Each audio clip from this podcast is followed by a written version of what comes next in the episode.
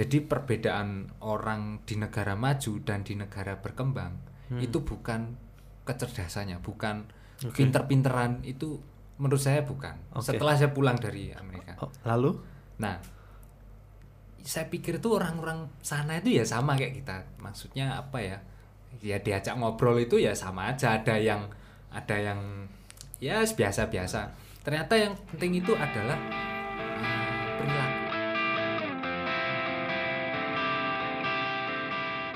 Hi, welcome to The Driven. On our podcast, we will unpack and share some of the most creative, innovative, and entrepreneurial minds out there. We will be discussing the drivers, experience, ideas, and values behind the why, the how to create impact. We deliver it weekly so that you can be inspired. So stay tuned.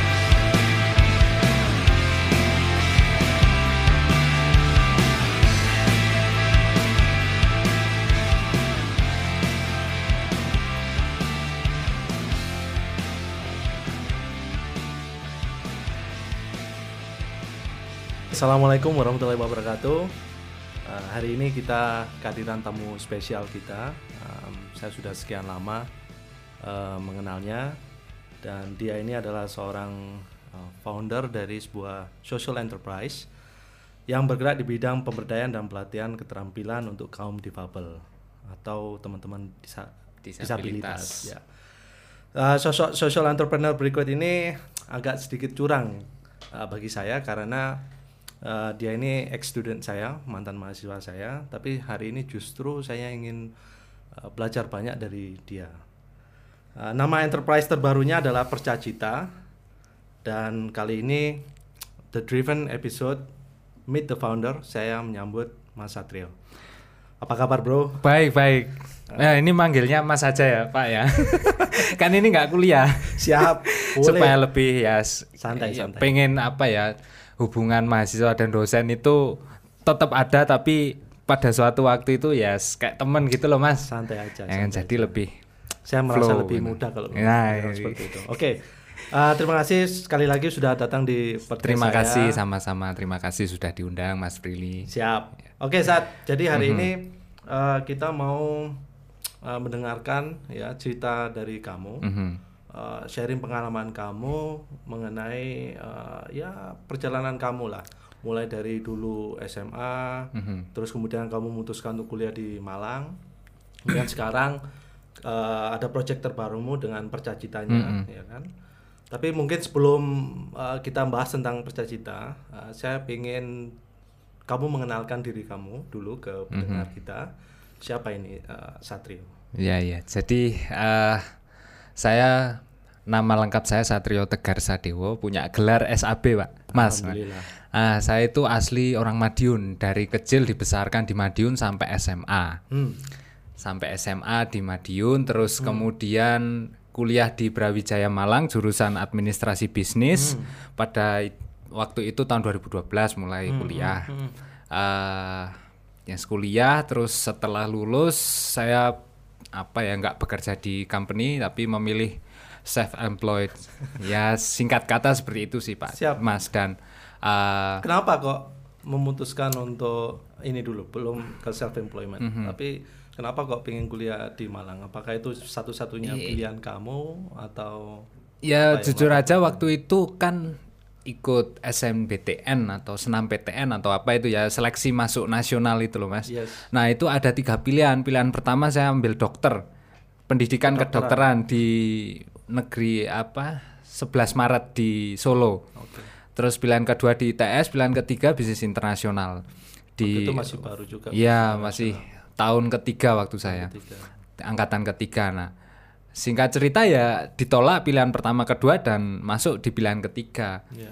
dan itu ajaibnya itu yang milihkan ibu saya yang notabene eh, ibu saya itu nggak tahu maksudnya beliau itu eh, ndak ndak mengenyam pendidikan tinggi jadi nggak tahu bisnis internasional Ini waktu apa? itu apa ya nggak tahu wis ambil bisnis internasional aja Oke. dan tembus Ya, sepertinya orang tuamu juga visioner ya kan? Iya, kayaknya lebih ke insting sih. Sepertinya ibu itu punya insting kayaknya ini cocok nih ya. Dan akhirnya So um, kamu ke Malang tahun 2012 Mhm. itu kan uh, Anda punya pengalaman uh, tinggal sendiri juga pada Nggak waktu pernah. itu ya kan dari SMA memutuskan dari Madiun ke Malang. Mhm. Kemudian uh, dari situ saya juga uh, mengenal kamu uh, mungkin salah satu mahasiswa saya yang saya lihat yang uh, beda karena punya apa ya punya ini punya determinasi untuk jadi self employment itu di awal-awal sudah kelihatan banget Eh, tapi uh, coba jelaskan kenapa kamu memutuskan untuk Ya. selesai kuliah itu kemudian ingin menjadi solopreneur atau Ya. self employment ini gitu kan Mhm. sedangkan teman-teman yang lain juga sepertinya sukses juga kerja di Iya. perusahaan-perusahaan Sebenarnya nggak ada kepikiran juga sih mas Hmm. untuk jadi self employed atau entrepreneur atau apalah. Cuma pada waktu itu kuliah saya semua mata pelajarannya itu berbicara tentang how we run multinational companies, Hmm. how we export the product to en- uh, encounter uh, conquer the market, Hmm. international market. Dan nggak ada kita dipelajari. Ya ada satu mata kuliah kewirausahaan yang diampu oleh Mas Brili kan. Waktu itu ya awal saya kenal Mas Brili ya waktu itu. Oke. dan saya nggak saya pikiran saya saat kuliah itu wah saya akan bekerja di perusahaan multi company Nggak ya. ada kepikiran Nggak ada. Terus seiring berjalannya waktu uh, ya my turning point was when I met you and engage at internet uh, entrepreneurship laboratory sih Iya Pak. iya iya. Laboratorium kewirausahaan pada waktu itu Itu masih Ya, baru-baru. masih Kita baru. masih di- diminta untuk buat kan pada waktu itu. Mhm. Terus saya juga membutuhkan uh, student-student mana siapa gitu kan yang mau uh, membangun bersama lab baru ini Iya. dan uh, we met a couple of times tahun sebelum- 2014 tuh Pak. sama Mas. Heeh.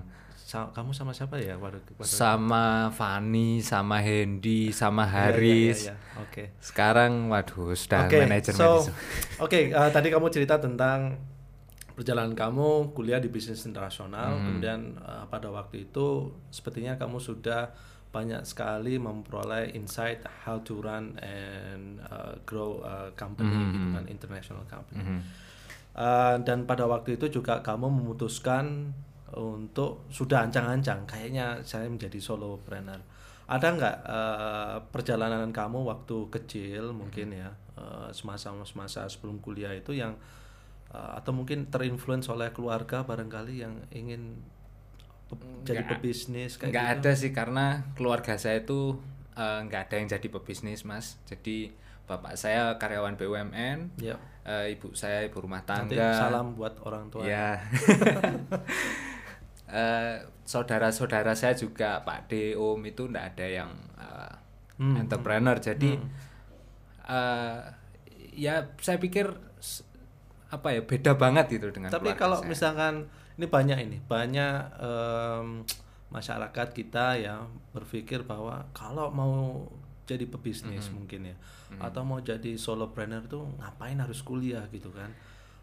Eh, pernah ya terpikirkan nggak Mm. Saya atau nggak menyesal nggak sebenarnya bahwa kuliah sebetulnya Enggak, dapat karena apa-apa? itu beda banget sih mas. Jadi sepanjang apa ya eh, pengalaman saya itu ya orang yang nggak kuliah bisnis itu mindsetnya beda banget. Bagaimana dia apa ya eh, solving the problem, terus how eh, run the business itu beda banget. Misalnya kita di kita dapat mata kuliah akuntansi. Oke. Itu goalsnya adalah supaya kita tahu mana biaya yang eh, nggak efisien, mana yang eh, waste, eh, waste cost, eh, biaya yang sia-sia. Nah itu kita tahu. Hmm. Kalau kita kuliah bisnis itu mindsetnya kita tahu bagaimana bi- kita bisa jalan bisnis secara efisien dan efektif. Nah it- itu itu mungkin salah banget. satu uh, yang kamu peroleh ya uh, pada saat kuliah justru menunjang uh, apa yang kamu tempuh saat ini. Dan kalau kuliah bisnis itu Mas ya, menurut saya itu bukan bisnis. Artinya kita itu akan dicetak sebagai administrator atau manajer di suatu perusahaan. Karena materi yang kita pelajari itu kan strategi how to run company bukan how to build company. Ya ya ada sebagian yang how to build company. Yap, yap, tapi bagaimana kita menjalankan perusahaan yang sudah ada? Yap, yap. Nah itu sekolah bisnis itu di situ Ya, tempatnya. di situ tempatnya gitu. ya Em, tapi ini kemudian sedikit berbeda Mm-hmm. karena kamu memutuskan untuk build your own company Mm-hmm. gitu kan Ah, yang nanti akan kita sentuh lebih uh, detail lagi Ah, tapi misalkan if you understand more bahwa sebelum kamu memutuskan untuk kuliah kamu ingin jadi solopreneur Mm-hmm. would you choose a different path misalkan memilih prodi yang lain atau memilih uh, universitas yang lain barangkali. Itu kepikiran nggak sih?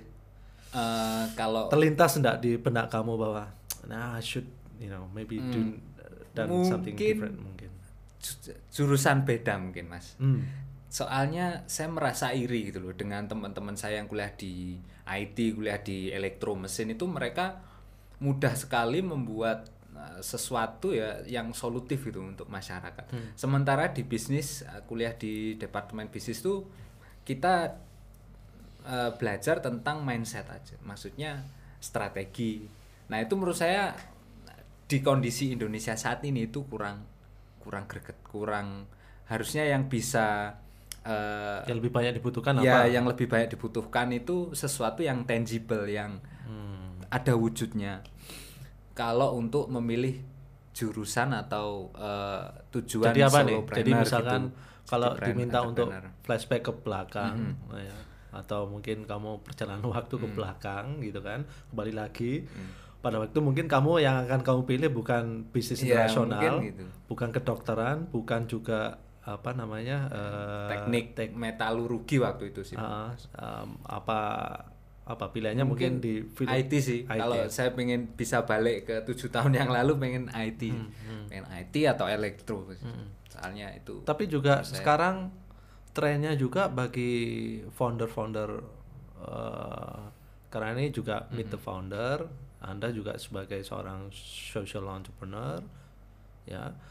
eh, bisa dikatakan bahwa founder suatu bisnis itu juga tidak perlu loh nguasain pure dari bidangnya ya.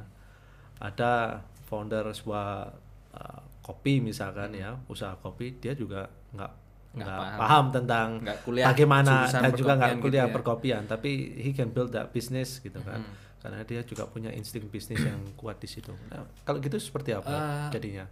menurut nah ini pengalaman kamu aja. Kalau misalkan sekarang dengan social enterprise yang kamu lakukan and then Ya. kalau misalkan kamu kuliah di Philcom what would you do differently? Atau startupnya mungkin beda lagi atau gimana? Mungkin saya bisa eh, mencapai yang lebih jauh sih mas. Hmm. soalnya ada beberapa hal yang eh, pengen saya lakukan itu. Yang saya tahu itu bakal mempermudah pekerjaan saya dengan teknologi misalnya. Saya nggak bisa buatnya gitu loh. Misalnya waktu kemarin kita dapat 200 eh sorry 150 pendaftar hanya dalam dua hari nah itu dari sisi CS atau admin itu kesusahan banget. Coba kalau misalnya saya kuliah IT, saya buat chatbot, saya buat sistem otomatisasi itu kak, itu akan bisa mengefisiensikan pekerjaan. atau mungkin ini mungkin em, apa sulit bagi kamu untuk mencari talent yang bisa mensupport your Em, saya sih prinsipnya itu efisiensi sih pak. Saya agak susah untuk ngajak tim karena saya pikir eh, saya pengen nyari titik equilibriumnya, ek- titik efisiensinya, di mana saya bisa menghasilkan eh, output sebanyak-banyaknya dengan resource seminimal mungkin. Nah itu saya rasa itu adalah bekal atau eh, pondasi untuk scale up ke depan. Kalau saya di awal sudah pakai eh, talent-talent yang bermacam-macam itu akan menurut saya sangat tidak efisien untuk ke depan. Oke, oke. Jadi, Pemikirannya sih gitu sih. Iya iya iya. Ini agak berat uh, materinya Em, karena sudah menyentuh ke aspek teknikal untuk bisnis banget. Tapi kita coba uh, uh, kembali lagi ke masa kuliah Oke. kamu, gitu kan. Em, kamu di sana uh, belajar tentang bisnis internasional, lalu juga terekspos dengan begitu banyak uh, knowledge baru.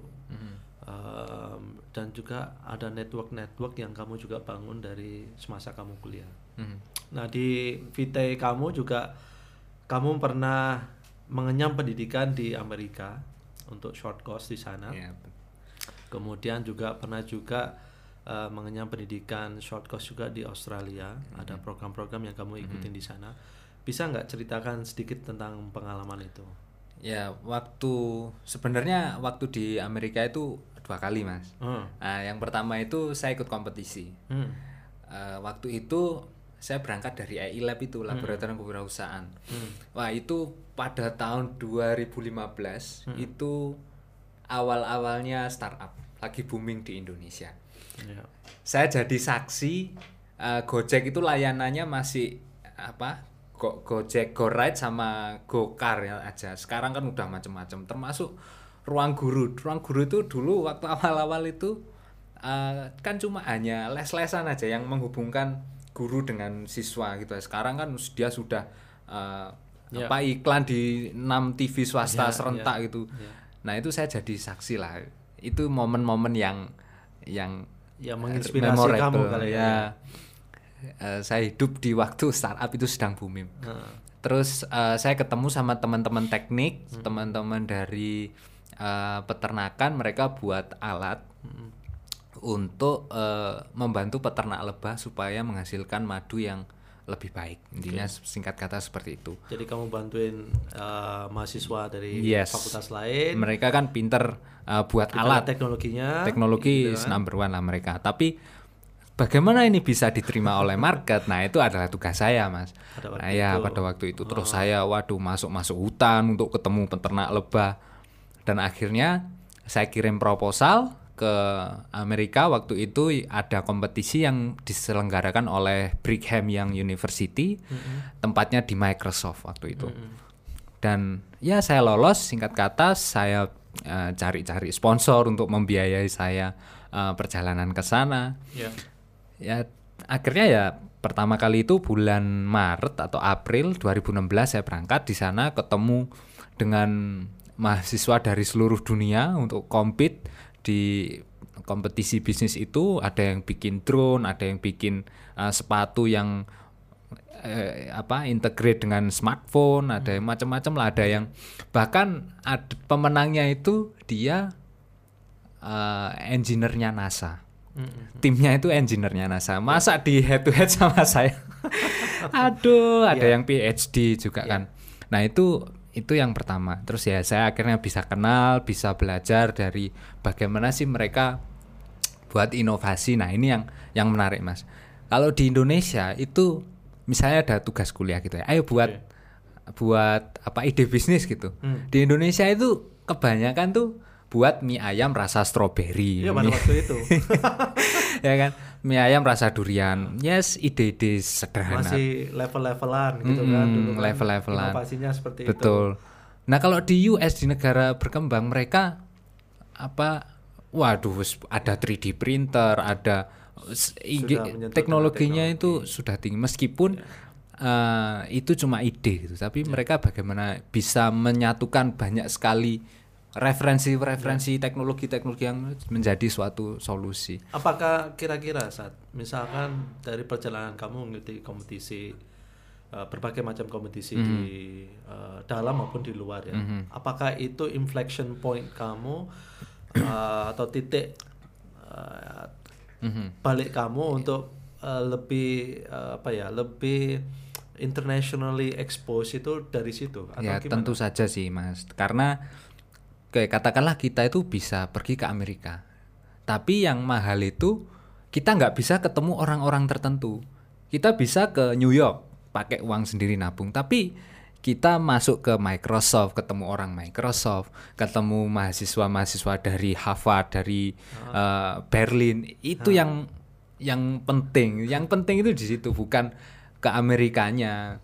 Apa yang kamu peroleh dengan ketemu dengan mereka itu ya kira-kira?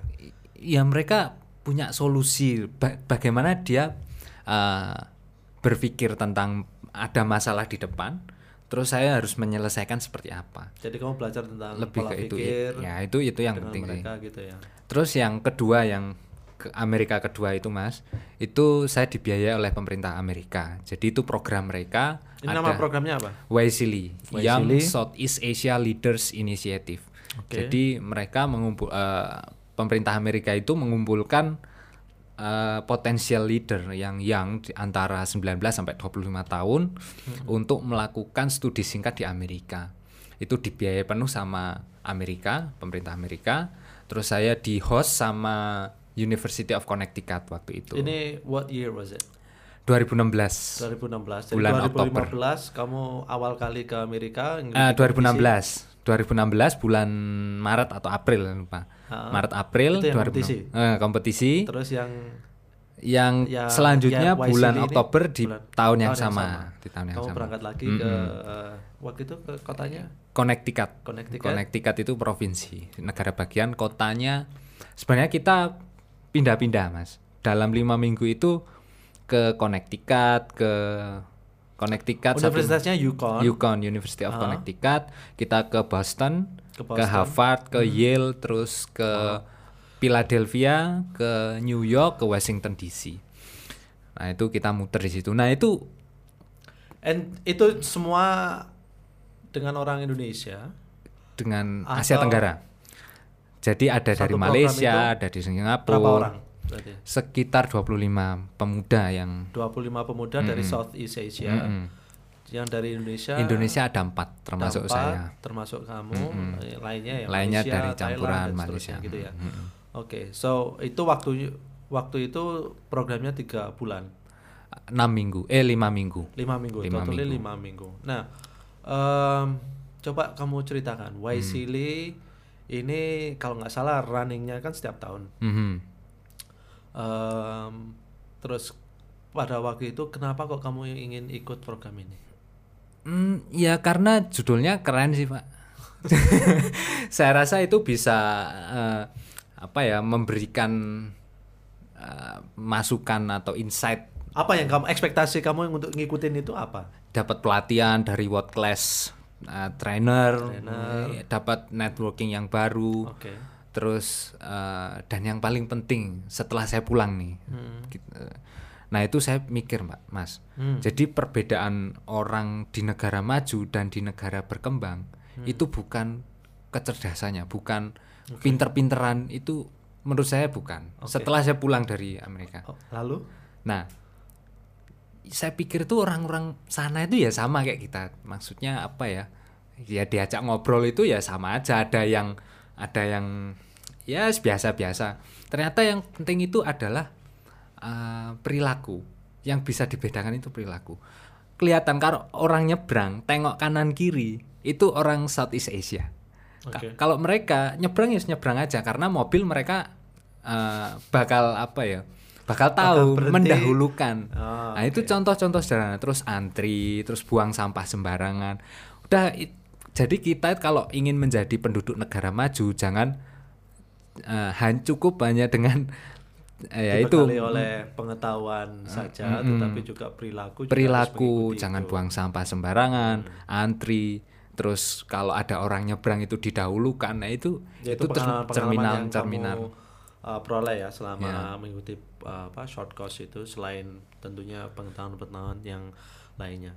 Nah, um, mungkin bagi teman-teman yang belum tahu tentang YCLI uh, program itu ya.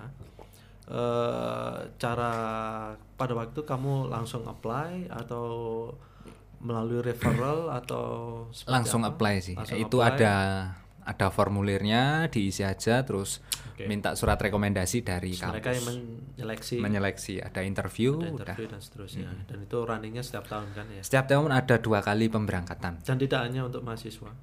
Kamu ada itu lulus belum? Sudah lulus? Belum belum. Belum 19 lulus sampai 25 tahun kriterianya. 19 sampai? Mm, 25 tahun. 25 tahun. Itu bisa ikut. itu bisa mau kuliah atau enggak yang penting antara umur itu sih mas. Oke, Mhm. so um, setahu saya nih Mhm. eh, pernah waktu itu kamu cerita Waisili program ini juga menunjang aspek eh, atau project yang sedang kamu lakukan juga pada waktu itu, Mhm. gitu kan? Eh, juga social enterprise, tapi beda dengan eh, yang terbaru ini. Eh, bisa ceritakan nggak kira-kira dari program itu eh, did it impact ya in terms of your project yang sedang kamu lakukan ada impactnya nggak? Ya tahun 2016 itu waktu saya ke Amerika kedua kan di University of Connecticut. Nah, itu mata kuliahnya atau topiknya itu kan social entrepreneur.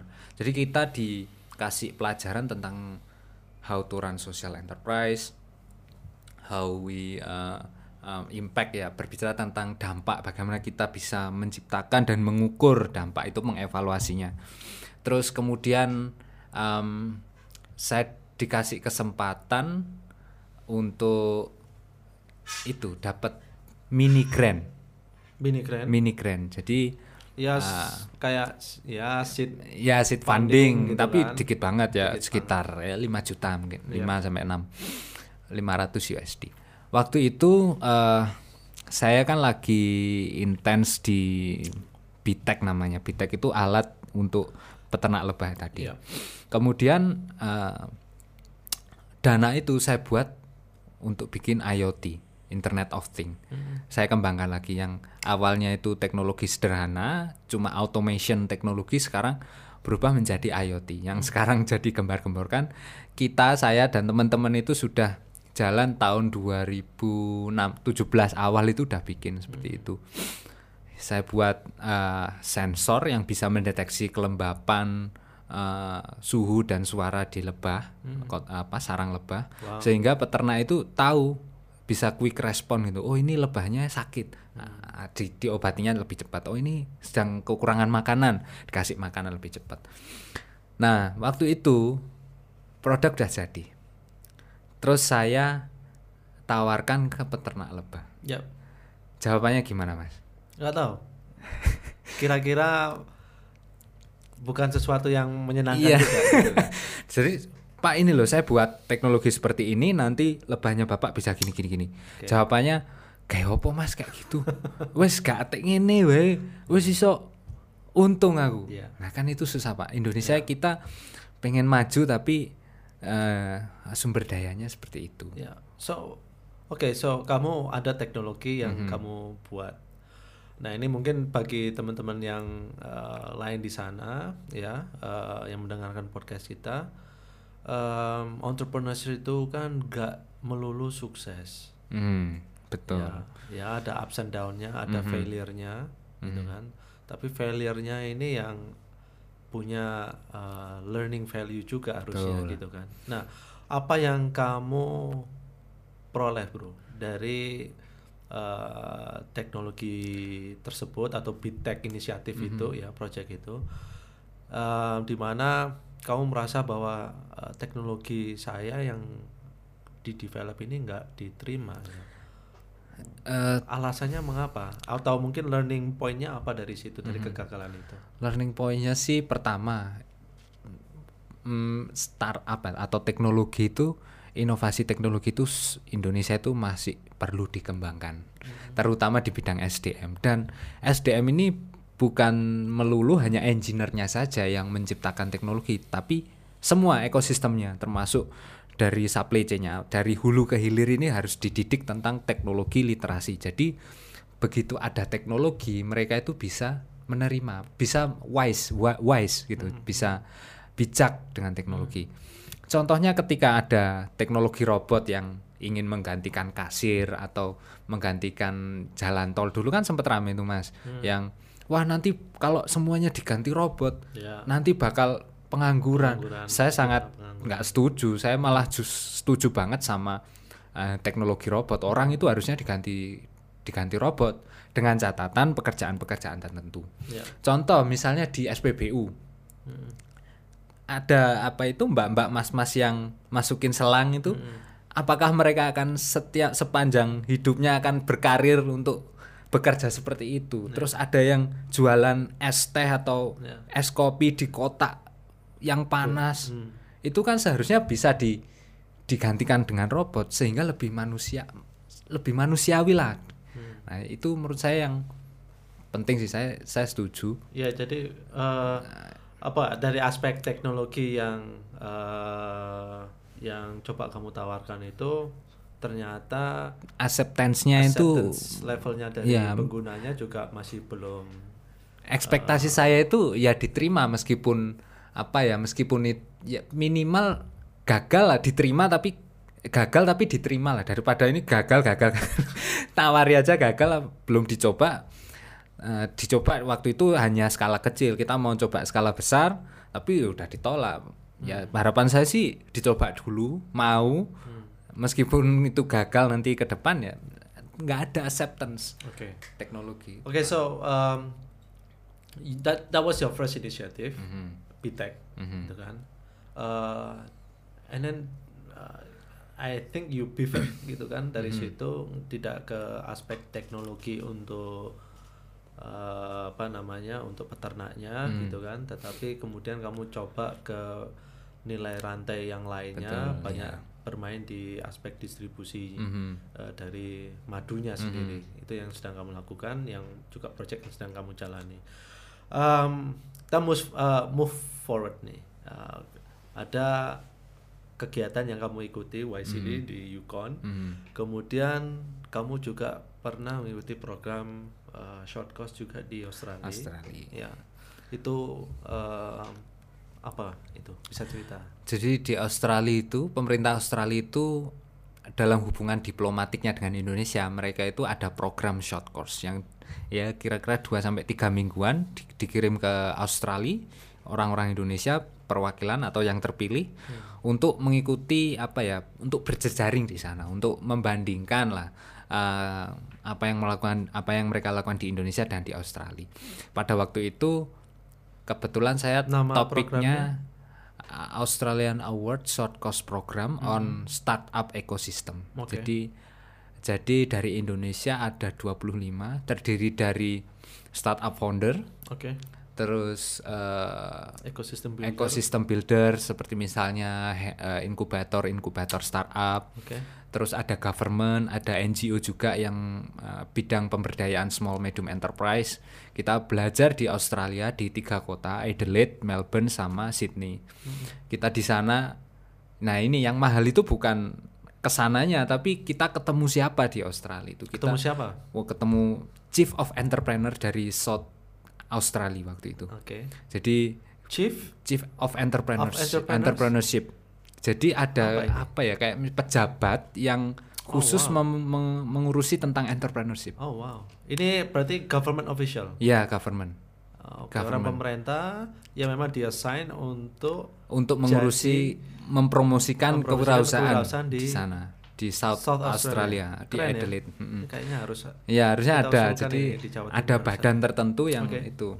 Nah di sana mereka cerita ada program-programnya apa aja. Mereka bangun bekas rumah sakit itu disulap menjadi coworking space, jadi community center of entrepreneur. Eh, nah itu yang mahal. Terus kita kenalan sama startup-startup di sana. Gimana pemerintah mendukungmu, gimana dana pendanaan? Ternyata ya ada sebagian yang sama. Ada yang bilang susah di sini pendanaan juga susah. Ada yang bilang oh banyak sekali pendanaan di sini. Ternyata ah, ya kita bisa membandingkan lah. Hmm. Em, terus ada mereka itu mempromosikan tentang eh, entrepreneur visa jadi ya yang mau buka usaha di Australia itu ada visa khusus yang diberikan oleh eh, warga asing yang Mm-mm. mau yang bikin mau startup bikin di startup di Australia. Australia itu difasilitasi sampai di dikasih coworking space tiga bulan atau Free. free gitulah Oleh tiga uh, uh. itu state atau semua State. Government apa semua state atau cuma berlaku di state tertentu? Berlaku di state waktu itu berlaku di state tertentu. Jadi yang promosi South South Australia, Australia ya? Mm-mm. oh wow keren. Terus Eh, eh, itu di South Australia kamu juga ke ke Melbourne, Melbourne. Melbourne cuma dua hari sih mas. Waktu itu ke Melbourne Smart City. Nah ini yang menarik. Waktu di sana itu sering-sering disebut Ridwan Kamil. Ternyata sister city-nya. Ya. Jadi di Melbourne itu ada seribu sekian dataset yang terbuka jadi termasuk data pohon di kota Melbourne itu di open di sana Oke. Nah ini kan orang juga nggak tahu nih. Banyak Hmm. yang eh, menggalakkan eh, smart kota-kota city. ini harus eh, jadi smart city Hmm. gitu kan. Tapi eh, apa kehilangan konsep seperti ya kehilangan arah. bingung smart itu apa melulu Kalau kamu belajar eh, saat Mhm. Eh, belajar di dari kota Melbourne Hmm. gitu kan. Definisi smart city-nya dia dengan kita itu jauh beda. beda. Be- lebih bedanya itu bagaimana mereka mengeksekusi smart city-nya. Oke, kasih contoh misalkan apa yang mereka lakukan. Sebenarnya kalau masalah definisi itu saya nggak nggak terlalu concern, tapi yang mereka lakukan, mereka punya database di kota satu kota Melbourne itu punya da- seribu seribu dataset. Jadi mulai dari kualitas oksigen, irigasi air keluar masuk dari kota Melbourne itu jumlahnya berapa, itu real time bisa diakses.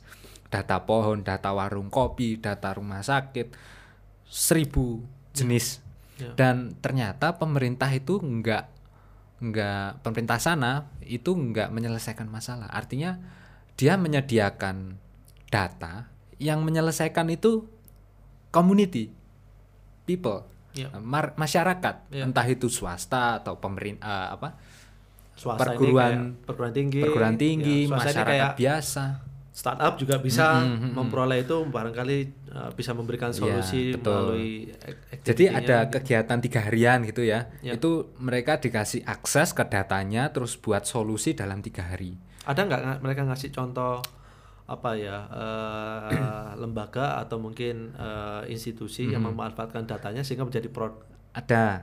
atau Waktu itu ad- ada orang ya. yang juara satu Ya. untuk event itu. Jadi dia itu buat asisten untuk tunanetra di Melbourne supaya dia bisa mengakses seluruh kota, oh, wow. Eh, termasuk eh, sarana umum, Ya. tempat-tempat umum. Ya. Dia itu ada virtual assistant untuk di apa tunanetra kan nggak bisa lihat tuh. Nah itu ada smart smart, assistant smart itu. assistant, ya. Ini belok ke sini, nggak cuma direction aja. Jadi ada informasi yang Oh, yang penting di suat, di satu aplikasi smartphone itu dia bisa menjadi asisten bagi penyandang disabilitas tunanetra. itu keren Dan itu itu yang pakai bikin datanya. swasta masyarakat mahasiswa waktu itu. Mahasiswa. Mahasiswa. Kuliah di Unimelb. ya Unimel Mm-mm.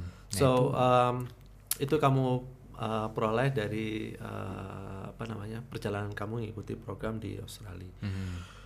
Um, those two cases, kamu ke Yukon, kemudian kamu ke uh, Amerika ya, ke kemudian ke Australia.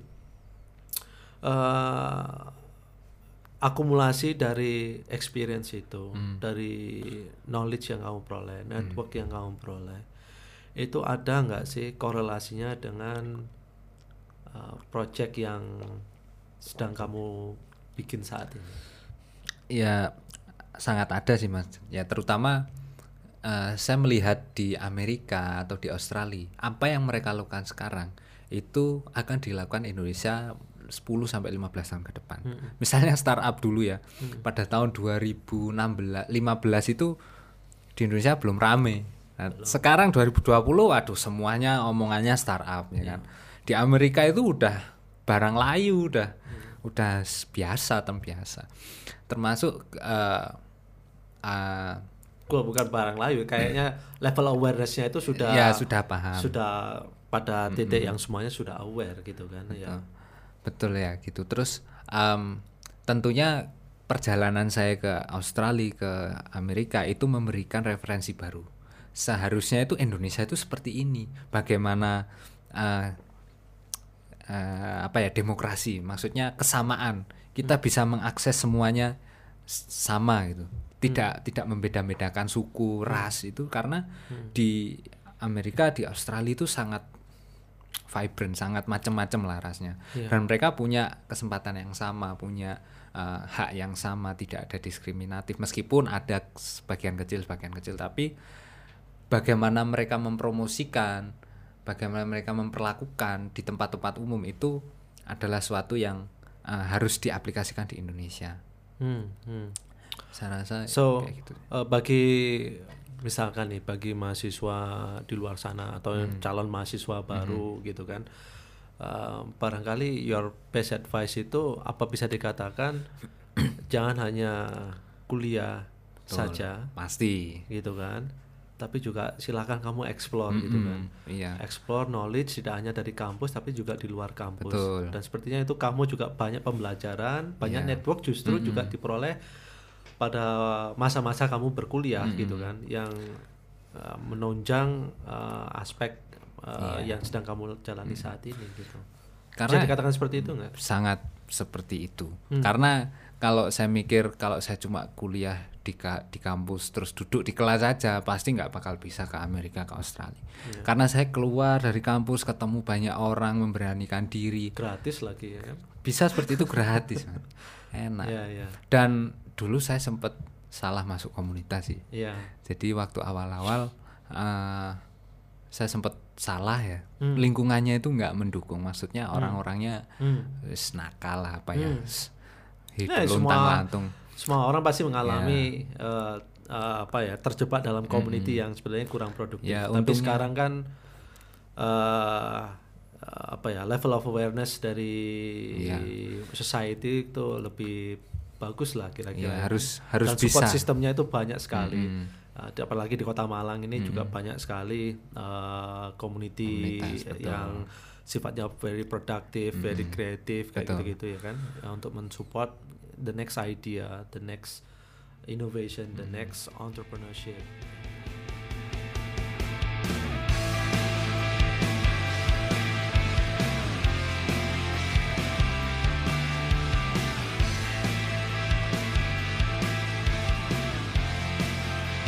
Thank you for being with us. My name is Billy and signing up for today's episode on The Driven.